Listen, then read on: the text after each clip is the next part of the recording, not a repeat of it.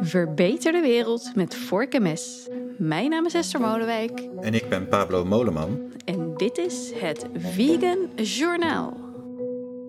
Dit is uh, het Vegan Journaal en hier is Esther Molenwijk met de moppetrommel. Ja, de, de 1 april uh, moppetrommel inderdaad, uh, in dit geval. Ik dacht, ik ga er een paar noemen. Ik vond het wel komisch. Uh, de Partij voor de Dieren heeft aangekondigd haar naam te veranderen in Partij van de Dieren. Um, en ik moet eerlijk zeggen, ik was daar eigenlijk gewoon ingetrapt. Want wat ze zeiden is, ja, zoveel mensen zeggen het verkeerd. Ze zeggen Partij van de Dieren. Dus ja, laten we het dan ook maar veranderen. Ik dacht, nou, het is eigenlijk ook wel krachtig. Want, nou ja, dan is de partij nu echt van de dieren. Maar ja, het is natuurlijk ook wel weer ingewikkeld. Ik vind um, het wel een en... hele filosofische grap ook. Want er zijn, zijn ook mensen die beweren van, we moeten dieren nog meer deel maken van de politiek. Hè? Eva Meijer die zegt dat bijvoorbeeld van de dieren die hebben zelf een manier om hun stem te uiten. Dus ja, waar, waarom zijn we er voor de dieren? We moeten het eigenlijk namens de dieren doen. Ja, nou. Ja, ja, ik vond hem dus ook ja, niet zo heel ver. En eerlijk gezegd, ik heb ook nergens gezien dat het een 1 april grap was. Maar ik heb er verder ook niks meer over gehoord. Dus ik ga er maar vanuit dat het een 1 april grap was. Maar wie weet zien we straks uh, op alle posters uh, de nieuwe naam. Ja, ik, ik, ik weet zelf dat mensen die nou bij de Partij voor de Dieren betrokken zijn... die vinden het volgens mij verschrikkelijk om Partij van de Dieren genoemd te worden. Maar ik ja. denk inderdaad dat de meeste mensen het helemaal niet doorhebben. Nee, ik zei het dus ook steeds verkeerd, totdat een luisteraar me erop attendeerde. En uh, ja, als je er dan op let, dan kom je er inderdaad achter hoeveel mensen het verkeerd uh, zeggen. Nou ja, uiteindelijk uh, gaat het allemaal om de dieren natuurlijk. En uiteindelijk zijn we ook allemaal dieren, dus het is ook ja, gewoon een partij van dieren voor dieren. Oh, nou wordt hij heel filosofisch. Ja, je hebt hem gelijk. hey, dan was er ook een Amerikaanse dierenrechtenorganisatie die aankondigde dat Aldi in 2024 naar 100% plant-based zou gaan. Helemaal onderaan het persbericht las je wel dat het een uh, 1 april bericht was, zoals ze het noemden. Um, en ze hebben het eigenlijk gedaan om de discussie op te wekken. Ik vond het wel interessant, want ook ik zat er eerst naar te kijken van, oh ja, ja, ja dat kan een supermarkt dus gewoon zeggen. Een soort gedachte-experiment. Maar goed, het, dit bleek nog wel een stap te ver. Aldi heeft er niet op gereageerd, voor zover ik heb kunnen zien. Ze hadden al wel eerder aangekondigd dat ze naar meer plantaardig zouden gaan. Dus het was ook weer niet zo heel ver gezocht. Steuntje in de rug misschien. Ja, precies. En dan, dit vond ik echt wel verreweg de mooiste. De Dutch Wheat Burger, die kondigde aan om een echte Dutch Meat Burger te gaan maken. Uh, en daarin zouden ze een deel van de sojabonen door kippenvlees gaan vervangen. Nou, de oprichter Mark Kulstom, die zei... Ik heb er altijd heel fanatiek in geloofd, maar het is tijd om de handdoek in de ring te gooien. Wat klimaat betreft is het al vijf over twaalf. Mensen willen geen verandering. Het heeft geen zin meer en wij hebben er nu ook geen zin meer in. ja, ik denk dat dit, dat dit het deel was in het persbericht waarin mensen dachten: oké, dit is een uh, 1 april grap. ik vond hem wel heel, uh, heel goed en heel scherp. Hij heeft ook nergens hebben kunnen lezen dat het een 1 april grap was, maar daar gaan we maar gewoon helemaal vanuit, hè? Ja, daar ga ik ook wel vanuit. Ik denk trouwens dat heel veel mensen ook dachten dat ze met een 1 april grap te maken hadden. Uh, toen ze lazen dat onze regering van plan is om de belasting op havermelk te verhogen. Oh, maar misschien was het dat ook wel, Pablo. Nee, ik, ik, ik vrees van niet. Nee. Uh, nee. maar het gaat dus om de verbruiksbelasting op niet-alcoholische dranken. En die zou per 1 januari komend jaar omhoog gaan. Van 9 cent per liter naar 26 cent per liter. Dus dat is een, een flinke verhoging. Um, die treft dus niet alleen de havermelk, die treft eigenlijk zo'n beetje alle dranken uh, waar geen alcohol in zit. Behalve, en daar zit dus, daar zit dus de pijn, uh, koemelk en uh, sojamelk. Dus daarmee komt er een, ja, een grote ongelijkheid natuurlijk in wat je als consument betaalt. Dus op dit moment betalen wij al eigenlijk voor, voor ja. koemelk geen verbruiksbelasting die we wel betalen op plantaardige melken. Ja, ja, ja dit is, uh, deze, deze belasting bestaat ook al sinds 1993. En uh, toen heeft men bedacht dat koemelk een eerste levensbehoefte is. Dus dat ze hem daarom er, uh, eruit hebben gehaald. Waarschijnlijk zal de zuivellobby daar wel een beetje een, een, een, handje in hebben gehad. Maar ze hebben sojamelk ook vrijgesteld, mits er een vergelijkbaar eiwitgehalte in zit en B12 aan is toegevoegd. Maar al die andere plantaardige melken die in de jaren daarna op zijn gekomen, zoals havermelk, amandelmelk, kokosmelk, rijstmelk, ja, die zijn allemaal geen onderdeel van die uitzondering. En nu is dus het, de kwestie dat die ongelijke situatie nog eens vergroot gaat worden. Ja. Ja, uh, omdat de verbruiksbelasting nog eens verhoogd zou gaan worden. Ja, ja dus van 9 eurocent naar 26 cent. Dus uh, dat is bijna een verdriedubbeling. Dus ja, dat heeft nogal veel teweeggebracht. De Partij voor de Dieren heeft er ook kamervragen over gesteld. de kranten stonden er vol mee. En ik, ik denk eigenlijk dat ze daar op het ministerie best wel van geschrokken zijn. Want ik heb de indruk dat hier geen plan achter zit. Dat het niet per se hun bedoeling was om die ongelijkheid te creëren. Maar ja, dat het gewoon een, een bijgevolg is van een wet die ze aan het aanpassen zijn. En ik denk wel dat ze er nu serieus naar gaan kijken. Ah, er is nog hoop dat dit. Uh... Ja, ik, ik, voor, ik, ik ben hoopvol. Uh, ten meer omdat uh, hij had eigenlijk al op 1 januari dit jaar ingevoerd moeten worden. Maar toen is het al een keer met een jaar uitgesteld. Omdat ze er ook door verrast werden dat er kritiek was op het feit dat mineraalwater er ook onder valt. Dus er wordt wel gedaan alsof het een limonadebelasting is. En dat uh, havermelk nu gelijk wordt gesteld aan limonade. Maar eigenlijk gaat het niet over limonade. Het gaat eigenlijk gewoon over alle dranken. Waar geen alcohol in zit. Want dranken met alcohol, daar zit een nog veel hogere heffing op natuurlijk.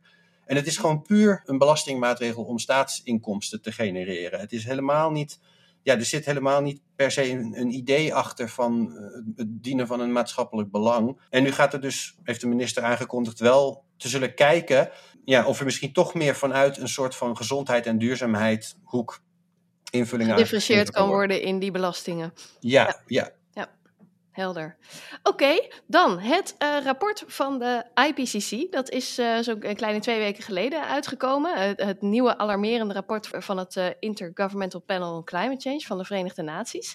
En dat rapport geeft ook altijd adviezen wat er gedaan kan worden om klimaatverandering tegen te gaan. Maar vlak na dat verschijnen van het rapport is dus gebleken dat de vleesindustrie succesvol heeft gelobbyd om een advies voor meer plantaardig dieet eruit te krijgen. En dat is boven water gekomen nadat Scientist Rebellion een conceptversie van het rapport heeft gelekt. Aanvankelijk stond er in dat conceptrapport: een plantaardig dieet kan de broeikasgasemissies tot wel 50% verlagen, vergeleken bij het gemiddelde al emissie-intensieve westerse dieet. Uh, nou, dat is best een, een, een stevige uh, uitspraak, stevige aanbeveling. Maar de zin die het uiteindelijk in het rapport kwam, is dat we moeten naar een gebalanceerd, duurzaam, gezond dieet met inachtneming van de nutritionele behoeften. Ja, dat is dus wat uh, lobbyisten doen. um, en de journalist die boven water heeft gehaald, die laat ook zien dat de afgevaardigden uit Brazilië en Argentinië hier achter zitten. En dat zijn natuurlijk wel allebei landen met een hele grote en invloedrijke rundvleesindustrie. En dit is dan ook niet de eerste keer dat deze landen zich inzetten om termen in het rapport uh, te veranderen. Uh, even kijken, ze hebben bijvoorbeeld ook al gelobbyd om te zorgen dat het eigenlijk het woord plant-based diet willen ze überhaupt niet in dat IPCC-rapport hebben. Daarnaast uh, willen ze ook niet dat vlees als een high carbon food wordt bestempeld. Dus al dit soort ja, iets concretere uitspraken over uh, dat we minder vlees zouden moeten eten, weten ze toch eigenlijk vrij vakkundig uit dit soort IPCC-rapporten te houden. Ja, en de belangen zijn natuurlijk ook enorm groot, want er gaat in de wereldwijde rundvleesindustrie zo'n 400 miljard om. Maar ja, toch nog even voor de duidelijkheid. De vlees- en zuivelindustrie draagt voor zo'n 14,5% bij aan het gehele broeikaseffect. Dus het is eigenlijk toch wel ja, bizar dat niet met koeienletters in dat rapport staat dat we uh, ja, minder vlees en zuivel zouden moeten gaan eten. Ja, het wordt een beetje een tandeloos verhaal zo, hè? Als ja, je het precies. hebt over de, over de impact van voedsel, ja, een meer gebalanceerd dieet zou al fijn zijn. Maar als je het hebt over een gebalanceerder dieet, dan heb je het gewoon over een stuk minder vlees. Ja, nou ja, ik, ik, vond het wel shocking. Ik dacht altijd dat dat IPCC toch wel heel erg onafhankelijk was. Maar uh, ja, ook, zij kunnen dus niet aan, aan, bepaalde lobbykrachten ontkomen. Helaas niet. Nee, nou ja, nog meer schokkend nieuws. De Italiaanse regering die heeft een uh, wetsvoorstel ingediend om kweekvlees domweg te verbieden. Uh, we hadden het er een, een, tijdje geleden al over toen het kabinet net aantrad. Dat de minister van Landbouw iets heel erg vervelends over kweekvlees had gezegd. Maar hij gaat het dus echt doen. Als het parlement ermee instemt, tenminste, maar daar lijkt het wel op. Een productieverbod op kweekvlees. En als je het uh, toch probeert te doen, dan kan je dat zomaar een boete kosten van 60.000 euro. Maar even, Paolo, kweekvlees wordt überhaupt nog helemaal niet geproduceerd in Italië, toch? Uh, nee, misschien dat er wel een aantal start-ups bezig zijn om het te ontwikkelen. Dat weet ik zo uit mijn hoofd niet. Maar grootschalige productie, ja, daar is nergens in Europa op dit moment nog sprake van. Maar ja, ze willen het dus nu al verbieden. En ze zijn niet het enige land. In, in Frankrijk is een tijdje geleden ook al een amendement aangenomen dat het verbiedt om kweekvlees te verkopen aan kinderen in, eh, in, in kantines. En ja, het, het is toch vooral dus op dit moment nog symbolisch beleid om maar aan te geven waar je staat. Ja. Met name dat je staat voor traditie en voor het beschermen van de, de, de traditionele landbouwsector. Ja, en, en hebben ze dat rapport, uh, hebben ze daar concrete aanleiding in genoemd waarom ze kweekvlees willen verbieden? Vinden ze het, vinden ze het gevaarlijk? Of, uh, nee, puur, ja, ik, ik, ik geloof dat er letterlijk stond voor de, voor de salami, voor het beschermen van de Italiaanse cultuur. Geen wetenschappelijk rapport dat er iets mis mee zou zijn? Nee, nee, nee, nee, nee, absoluut niet. Nee, want, want dat is ook, de, de, de wetenschap gaat er nog naar kijken, hè die, dat is de Europese procedure die we hebben, dat goed gecheckt wordt of het allemaal veilig is. Het wordt veel beter gecheckt dan al het voedsel wat op dit moment al op de markt is, dat het geen novel food is. Yeah. Dus als dat eenmaal daardoorheen is, ja, dan weten we gewoon, dit is super veilig. En dan moet er daarna nog wel een soort van politieke laag overheen, dat moet een, een meerderheid van de landen moet, in de EU moet akkoord gaan met de goedkeuring. En ja, dat begint nu wel een beetje spannend te worden natuurlijk, als zowel Italië als Frankrijk al laat, laten blijken ja, dat ze eigenlijk om puur politieke redenen hier zo tegen gekant zijn, wordt het natuurlijk wel even de vraag van gaan er genoeg landen zijn die, die voorstemmen dat het toegelaten wordt. Anders dan zouden de Italianen en de Fransen en ik weet niet wie ervoor kunnen zorgen dat het hier in Nederland ook niet uh, op de markt komt. En dat zou toch wel heel tragisch zijn. Ja. Inmiddels is het in Amerika wel goedgekeurd, toch? In Amerika is het net goedgekeurd, ja, ja. dat klopt. Ja. En in Singapore, dus ja, uiteindelijk denk ik wereldwijd zeg maar dat we deze ontwikkeling ook wel mee gaan maken. En dat Italië eigenlijk riskeert om achterop te raken. Want wat ze niet kunnen uh, verbieden is dat het verkocht gaat worden in Italië. Ja, tenzij het dus in heel Europa niet, uh, niet, niet verkocht mag worden. Maar ja. we hebben hier vrij verkeer van goederen. Dus ja, je zou ook kunnen zeggen, ze zijn zichzelf eigenlijk aan het achterstellen in deze ontwikkeling. Want als het straks op de markt komt, dan mogen Italianen het wel eten, maar het mag niet in Italië gemaakt worden. Ja, precies. Oké. Okay. Puur symbolisch dus. Voorlopig wel, ja. ja ja, ja. Dan heb ik er nog eentje en ik werd hier echt heel verdrietig van. Uh, maar ik ga het toch even noemen. Verschillende pluimveehouders vragen om het behandelen van snavels weer toe te staan. Het behandelen van snavels. Uh, dat is niet zoals dat je naar de manicure gaat, toch? Helaas, Pablo. Nee, het is, het, het is echt wat anders. Ja, vroeger werden de snavels van kip altijd behandeld. En ja. dat houdt dus eigenlijk in dat hij ja, of gewoon afgeknipt wordt. Uh, of later werd hij ook wel met infrarood behandeld. Maar dat betekent eigenlijk ook bestraald, waardoor hij daarna eraf viel. Maar sinds 1996 mag dat niet meer. Dan heeft het effectief nog even geduurd voordat het daadwerkelijk helemaal uitgefaseerd was. Maar inmiddels gebeurt dat niet meer in Nederland. En de reden achter dat behandelen was toen, uh, het zou er dan voor moeten zorgen dat kippen elkaar niet meer kunnen pikken. Of in ieder geval dat als ze elkaar pikken, dat ze elkaar niet zo beschadigen wanneer ze elkaar pikken. Maar ja, wat blijkt, dat snavelbehandelen is gewoon toch een hele pijnlijke behandeling. Omdat er ook er zitten zenuwuiteinden in die snavels. En zelfs de Wageningen Universiteit zegt dat de, de snavel is gevoelig. Um, en de behandeling is pijnlijk en kan blijvend uh, pijn geven. Nou, kortom, dat mocht dus niet meer. Uh, maar dan hebben de pluimveehouders vorige week tijdens de vergadering van de Nederlandse vakbond van pluimveehouders ervoor gepleit dat dit verbod weer ingetrokken wordt. Want zij zeggen, let op, dat het averechts werkt voor dierenwelzijn en dat het dit juist verslechtert. Want ze zeggen, we hebben als pluimveehouders de meeste ervaring met dierenwelzijn, maar er wordt gewoon niet naar ons geluisterd. En één boer zegt zelfs, als de kwaliteit van het voer tegenvalt, leidt dit tot slechtere gezondheid en grotere kans dat de kippen elkaar gaan pikken. Dit leidt tot meer uitval. Uitval weten we inmiddels, dat betekent dan dus dode kippen. En, zegt hij, daar word je als pluimveehouder echt niet vrolijk van. Uh, en dan gaat het volgens mij opeens niet meer over dierenwelzijn, maar over pluimveehouderwelzijn. Maar uh, kortom, ze zeggen eigenlijk, ja, uh, als we die slavels niet afknippen, dan, dan gaat dat meer pijn opleveren voor de dieren die elkaar aan het prikken zijn. En daarmee leidt het tot minder dierenwelzijn ja, ik vind het echt enorm opvallend, die, die beredenering juist in deze tijd. Want er is natuurlijk net een wetswijziging aangenomen dat dieren niet meer aangepast mogen worden aan het systeem. Ja. En nou heeft de minister van LNV, ja, die vindt het allemaal wel heel ingewikkeld om dat daadwerkelijk door te voeren. Hè? En die vraagt dan de industrie om met zo'n convenant dierwaardige veehouderij uh, te komen. En net terwijl die overleggen lopen, stellen de pluimveehouders eigenlijk voor om ja, weer een stap terug te gaan. Ja, ja het treurige is nog dat het, dat het waarschijnlijk echt zo is dat die kippen elkaar nog steeds enorm aan het pikken zijn en dat dat nadelig is voor het welzijn. Maar de oplossing ligt, ja, zoals je al aangeeft, om het hele systeem om te gooien natuurlijk. En dat willen ze niet. Nee, het is een soort symptoombestrijding, hè? Zo'n snavel dan maar uh, af, afknippen. Ja. Um, uh, in plaats van kijken van waarom zijn die kippen elkaar aan het pikken. Treurig, ja. Ik kan me dan ook bijna niet voorstellen dat dit pleidooi er echt doorheen gaat komen. Um, maar ja, ondertussen wachten we nog steeds met spanning op die uitkomsten van dat overleg uh, voor dat convenant dierwaardige veehouderij. Nou, ik vond het een hele, ja, heel bijzonder nieuws dit in deze tijd.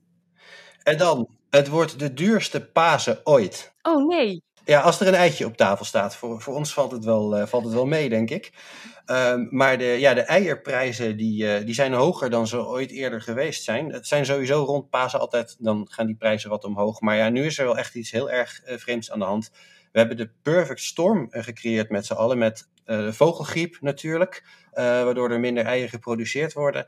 Vervolgens zijn natuurlijk de energiekosten en de voerkosten enorm hoog. Dus ja, de, de, de, de, de eierprijs die was al enorm aan het stijgen en die blijft maar stijgen. In Europa uh, ligt hij nu zo'n 30% hoger dan, uh, dan een jaar eerder. En toen lag hij al op een, heel, uh, op een historische hoogte. In de Verenigde Staten zijn de eieren zelfs ruim 50% duurder geworden in het afgelopen jaar. Ja, ze, ze, hebben het daar al over eggflation. Maar Pablo, er, was, er is natuurlijk sowieso inflatie. stijgt die eierprijs nou harder dan de inflatie gemiddeld? Ja, ja, ja wel, wel, wel flink, uh, flink harder. Um, de, de gemiddelde inflatie die lag geloof ik op iets van 14% of zo. Dus daar zit dit wel, uh, zit dit wel ruim boven.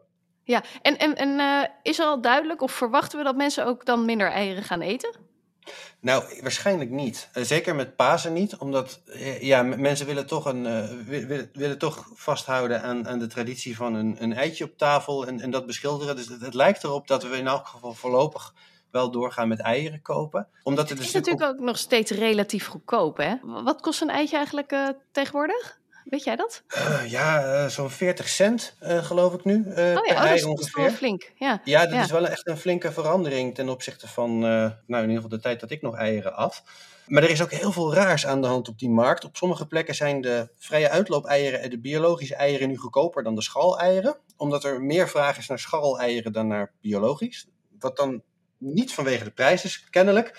Dus dat, dat, dat is ook wel vreemd. En de vrije uitloop-eieren zijn eigenlijk geen vrije uitloop-eieren meer, omdat ze vanwege de ophokplicht allemaal binnen moeten blijven.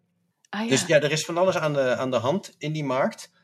Tegelijkertijd verwachten we dus niet dat mensen met paas opeens geen eieren meer gaan eten. Want ja, er zijn toch, als je echt een, een gekookt eitje in een schaal wil en dat wil gaan beschilderen, zeg maar, ja, daar is nog niet echt een alternatief voor. En mensen houden toch vast aan die traditie. Maar alternatieven zijn er des te meer voor de grote groep eierverbruikers in de voedingsindustrie. Aha, in de mayonaise en... in de eh, mayonaise, de, in de koekjes, ja. in gebak, overal eigenlijk. Dat gaat om een heel groot deel van de totale eierconsumptie.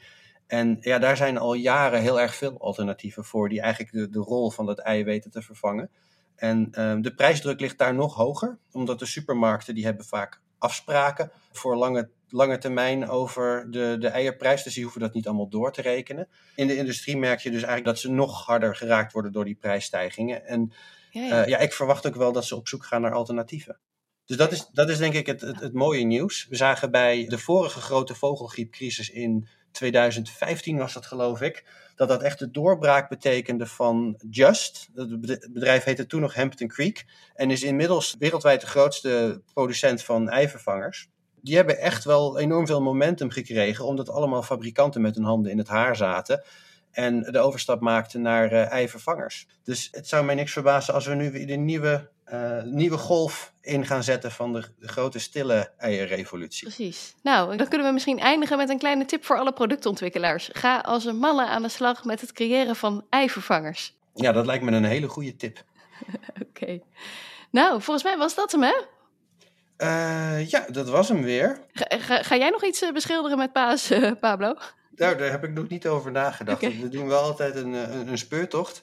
Uh, en we maken meestal uh, wel een, een, een, lekkere tofu salade of zo. Om toch iets eiers op tafel te hebben staan. Um, ik heb wel eens gehoord dat mensen dan houten eieren gaan beschilderen of zo. Oh, okay. Maar dat heb ik zelf nog nooit gedaan. Nou, goed. Iedereen die een leuk idee heeft, stuur het in naar studioplantaardig.nl. Uh, info.studioplantaardig.nl en dan gaan wij dat posten. Ik ben benieuwd. Nou, dan iedereen alvast een vrolijk Pasen gewenst.